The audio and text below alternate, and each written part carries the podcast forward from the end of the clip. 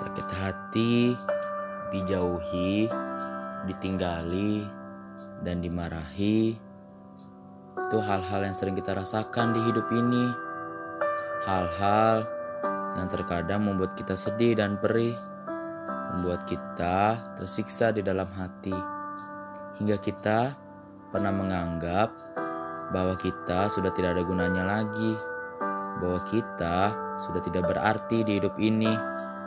Padahal jalan kita masih jauh, jalan kita masih panjang, tapi pikiran kita merasa bahwa kita telah terbuang.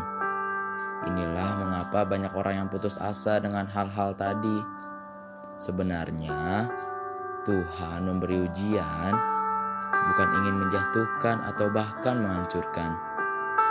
Tuhan memberikan ujian karena Tuhan ingin menguatkan hati kita, bukan rezeki atau barang yang diberikan terlebih dahulu, tapi hatinya yang dikuatkan.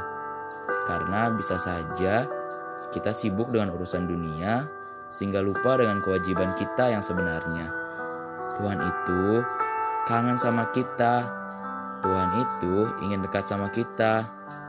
Bisa jadi jika masalahnya diselesaikan, kita menjauh darinya. Dulu sedang ada masalah, kita sering tahajud, kita sering duha, sering baca Quran tiap hari.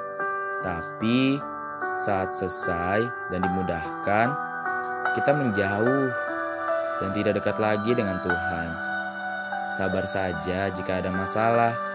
Anggap saja hati kita sedang diuji kesabarannya dan dikuatkan sama Tuhan yang kuasa.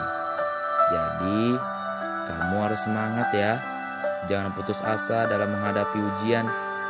Ujian ini memang berat, tapi pasti ada hikmahnya kok.